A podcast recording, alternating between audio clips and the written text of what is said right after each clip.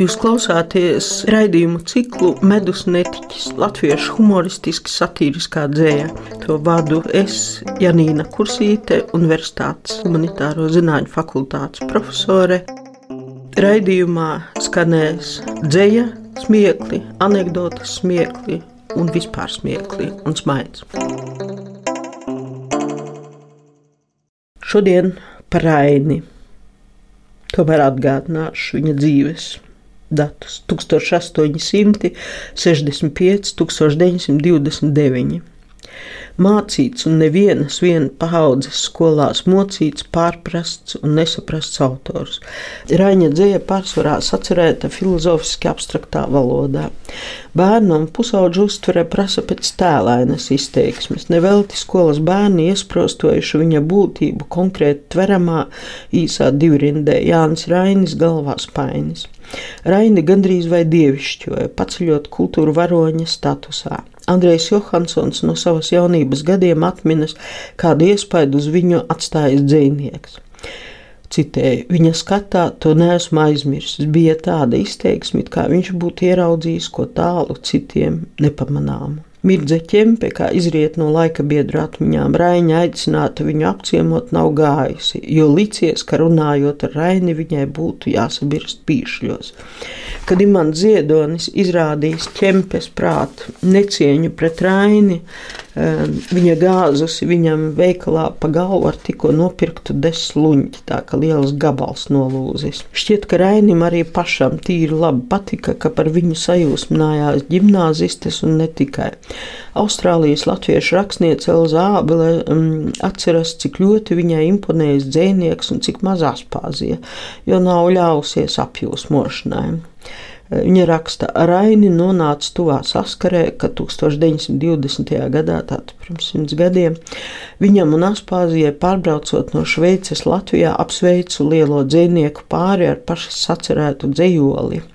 Savu degošo dzējoli īstenībā bija domājis Aspāzijai, bet, kad pēc dzējoļa nodeklamēšanas ar viņu satikos, dzīves nogurdinātā dzēniece nezināja, kā izturēties pret eksaltēto meiteni, kas dievinātājs acīm viņā skatījās. Mēs abas jutāmies ļoti nērti un bijām atvieglots, kad pienāca Rainis, cik sirsnīga un vienkārša bija viņa izturēšanās. Mans biklums acu mirklī bija skliedēts, rakstīja Zābele. Laikam kopš klasisma laikiem rakstniekus, īpaši dziniekus, ir bijis pieņemts rindot pēc lieluma. Šī liga nepagāja secena arī latviešiem. Rainis starp dziniekiem un dramaturgiem noturējās pirmajā vietā visu 20. gadsimtu. Pēteris Ērmanis atmiņu grāmatā atstāsta savu strīdu ar bibliotekāru Jāni Misiņu. Sākumā par franču rakstnieka Romēna Rolāna vietu, pēc tam par Raiņa vietu Eiropas olimpā. Mm, tā saruna tāda. Tas ir viens no Eiropas lielākajiem rakstniekiem. Es tā kā taisījos Rolānu aizstāvēt. Misiņš paraustie nāsis un ironiski jautāja, nezinu, vai lielāks par ainīti vai bišķi mazāks. Jau 1908. gadā savā dienas grāmatā Rainis ieraksta, ka citēji jābūt par pirmo liriķu un mākslinieku, par pirmo starp latviešiem vai plašāk, neko viņš vēl nesaka. 1919. gada 10. jūlijā mērķis aprakstīts jau daudz plašākā tvērumā, citēju. Man jāizveido sava mīļā Latvija par brīvu, politisku un ekonomiski neatkarīgu valsti vēl šajā gadā. Man tā jādara laimīga, man jātop par tās pirmo prezidentu prezidentu vēl šai gadā. Man jātop par Reini Lielo, man jāsasniedz apbrīnu radoša laime, man jātop par pasaules un proletariāta pirmo dzīvnieku, man jātop par pirmo Eiropas valdnieku, man jātop par pirmo jauno cilvēku, man jātop par jaunās nākotnes proletāriskās dramatikas, lirikas un epikas dibinātāju un piepildītāju. Man jādzīvo ilgāk par 300 gadiem, pilnā gara un miesas spēkā, sirdsapziņas tīrībā, jāiegūst Nobel Nobela prēmija un bezgalīga bagātība garajām citātam beigas.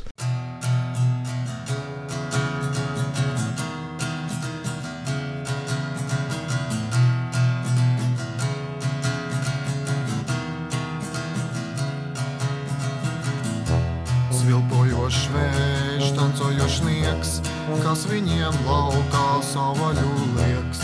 Lokiem no galvām lapas tie rauj, kupenes ceļā priekšā tie krauj.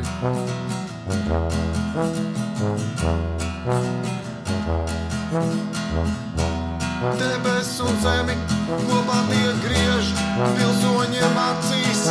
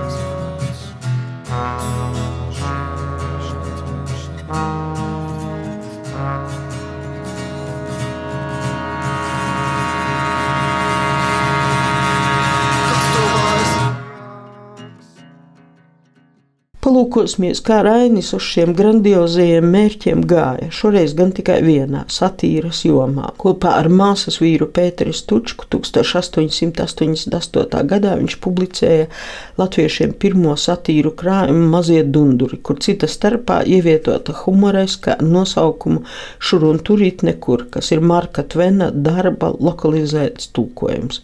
Humoreskā aprakstīts, kā izlasot avīzē dzējoli, lasītājs netiek no tā vairs vaļā. Dzējolīts ir sekojošs. Šur un tur, kur nekur nezinu, ne šā, ne tā gāju, gāju, es pa lauku redzēju mēnestiņu jauku. Tas man rādīja šā un tā, kur nekur it nekur. Šur un tur it nekur, kā nekā it nekā. Rainis droši vien bez autora piekrišanas šeit bija paņēmis Jāņa steika dzējoļa dusiņa ir klusiņa pirmo pantu, to pavisam, pavisam nedaudz pārveidojot absurda virzienā. Steika 1885. gadā publicētais dzējolis redzams bija atstājis uz Rainu uz Raini pašu tik lipīgu iespaidu, ka pēc vairākiem gadiem tulkojot Tvena humoresku, viņš to atcerējās un izvēlējās par iedaru bez ziņā atbilstošu angliskajam pantam. Gadu vēlāk ar pseidonīmu Jānis Jasēnu Plikšis viņš izdeva satīriskas apdziedāšanas dziesmas trešajiem vispārīgiem Latviju dziesmu svētkiem. Te ņemti uz zoba, rī, uz zoba rīkotāji, skatītāji, klausītāji un dažādas svētku nebūšanas. Nu, kā jau katros svētkos, vai te bez nebūšanām. Maz kas šodien no tā vairs uztverams, varbūt atskaitot pāris pantiņus par apmešanās un uzturēšanās neērtībām, kas bijis jāpārcieš dziedātājiem visu laiku stāvot kājās. Dziedamie cilvēciņi nezināja, kur sēsties, sēst uz dūres, atspiedīgi čīkšķi, tur būs laba dziedāšana. Rainis, tāpat kā daudzi 19. un 20. gadsimta mijā, bija apsēsts ar gaišas nākotnes ideju. Vīlies apkārtnes cilvēku, dzīvnieks uz kādu brīdi pievērsās satīrai. 1906. gadā viņa dienas grāmatā ir ieraksts: Mazie ļautiņi, zemie, jaunībā arī dabū ap savu misiņa bleķa vai čuguna dvēseli plānu apzeltījumu. Dzīve ar savām rupjām rokām to ātri nobrauka, un tad to redzams šo mazo, viss dvēseles netīrais metāls. Arnolda Auziņa grāmatā Mazā latviešu literatūras vēsture anekdotēs ievietot šāds pastāsts, kas tikpat labi varēja būt arī īstenība, citēju. Aspāzija smagi pārdzīvo, ka viņas nopietnais Rainis, kas vienmēr bijis tik prasīgs pret citiem un cīnījies par nākotnes cilvēku, slepeni satiekas ar savu mēnesi meitiņu Olgu Kliģeri. Mēnesis naktī meitši ienākusi dzēnieka guļamistabā pavisam kaila un ārā viņš to visu nedzina. Tad tāds būtu tas ideālais nākotnes cilvēks. Auziņš 2015. gads, bet pametīsim Raina guļam istabu, lai atkal pievērstos viņa satīrām un epigrammām. Jau 1903. gadā iznākušajā Raina dzīvoļu krājumā tālas noskaņas zilā vakarā vienai no nodaļām ir zīmīgs nosaukums piekvēpjas gaiss. Tieši te viņš aizsāk kodīgo epigrammu stilu. Epigramma tradicionāli ir īsts satīrisks dzējols ar noslēdzošu asumu, e, jeb dzeloni pēdējā rindā vai divrindē. Raiņa epigrammas piemērs. Bagāts viņš, bet mīkstu sirdi dzird par grūtdienīšu raudām, tūdaļ kabatā bāž roku, izvelk savu neaizdodziņu. Neaizdoks kabatlakats, aizgūms no vācu nāzentuha. 1909. gadā nāca klajā Raņa krājums Klusā grāmata. Nesenās revolūcijas sajūsma jau pārskrējusi, sekojusi varas asa reakcijā, vajājot, izsūtot, apšaujot revolūcijā iesaistītos. Rainis nu raksta satīras un epigrammas par tiem, kas ātri samierinājušies ar status quo. Viena no viņa epigrammām saucas Pārējas zīmes. Laiks un cilvēki ir aizgājuši, riebies redzēt tos, kas uznākuši, kā tie līksmojas, ka paši dzīvi, kad no tikuma un prāta brīvi. Dzer un neķītro un nodod brāli, gļēvulus nodevējis tiem ideāli, smiedamies tie spriež, ka gādājams tautai, kas tai trūkst. Liels prieka nams! Sekls laiks, sekli cilvēki un tādas pašas viņu darbības, sirdsapziņas aizkrāsošanai, kā raksta Rainis šādos gadījumos, ja nu nevis labāk, tad tīri labi noder ordenis. Cik vien spēja tu zagi un rāvi, līdi spiegoja, bendēja kāvi, kas vien ir kauns, to tu darīji, nu tev ir jāslēp šie traipekļi, ej, uzkārstiem virsū ordeni. Pārlūkojot vēlreiz Raņa 1919. gadā uzstādītos um, grandiozos mērķus, jāsacina, ka Latvija patiešām jau tā paša gada 18. novembrī kļuva par neatkarīgu valsti. Vai tieši Rainis to darīja laimīgu, kā viņam būtu gribējies? Kaut kādā ziņā, jā, iedvesmodams dzējā, bet lai kā sapņodams Rainis nekļuva ne par prezidentu, ne saimas priekšsēdētāju. Sociāldemokrātu frakcijas vadītājs Feliks Cielēns atceras, ka Rainis esot pārmetis, citēju, es jūs visus ievedu saimā, bet jūs mani grūžat pie malas nost, it kā es nebūtu nekam vairs derīgs. Jūsu acīs es nederu ne par valsts prezidentu, ne par saimas priekšsēdētāju, un arī par ministru, ne. Es mēģināju Raini pārliecināt, saka Feliks Cielēns, ka ka lielākajam latviešu dziniekam nekādā ziņā nav uzdevums katru rītu ar dokumentu portfeli padusē ierasties ministru kabinetā, lai deldētu savu dzinieka garu praktiskā administratīvā darbā, bet Rainis nemaz neļāvās pārliecināties. Pēc laika biedru liecībām Rainis esot bijis vājš praktisku lietu kārtotājs un tikpat vājš publisks runātājs. Taisnības labad gan jāpiebilst, ka viņš tika ievēlēts par deputātu pirmajās trīs saimās, četrus gadus darbojās par Nacionālā teātra direktoru no 21. līdz 25. un vienu gadu arī par izglītības ministru 27. gadā. 1925. gadā tobrīd 19-gadīgais topošais rakstnieks Anšlaus Eglīts savā dienas grāmatā ne bez ironijas rakstīja: Rainis, kuru grib celt nost no Nacionālā teātra direktora amata, amata uzstādījis ultimātu. Vai nu viņš paliks un vadīs nekļūdīgi teātri tālāk, vai aizbrauks uz visiem laikiem no Latvijas, neļaus izrādīt savas lugas un nerakstīs vairāk latviešu valodā.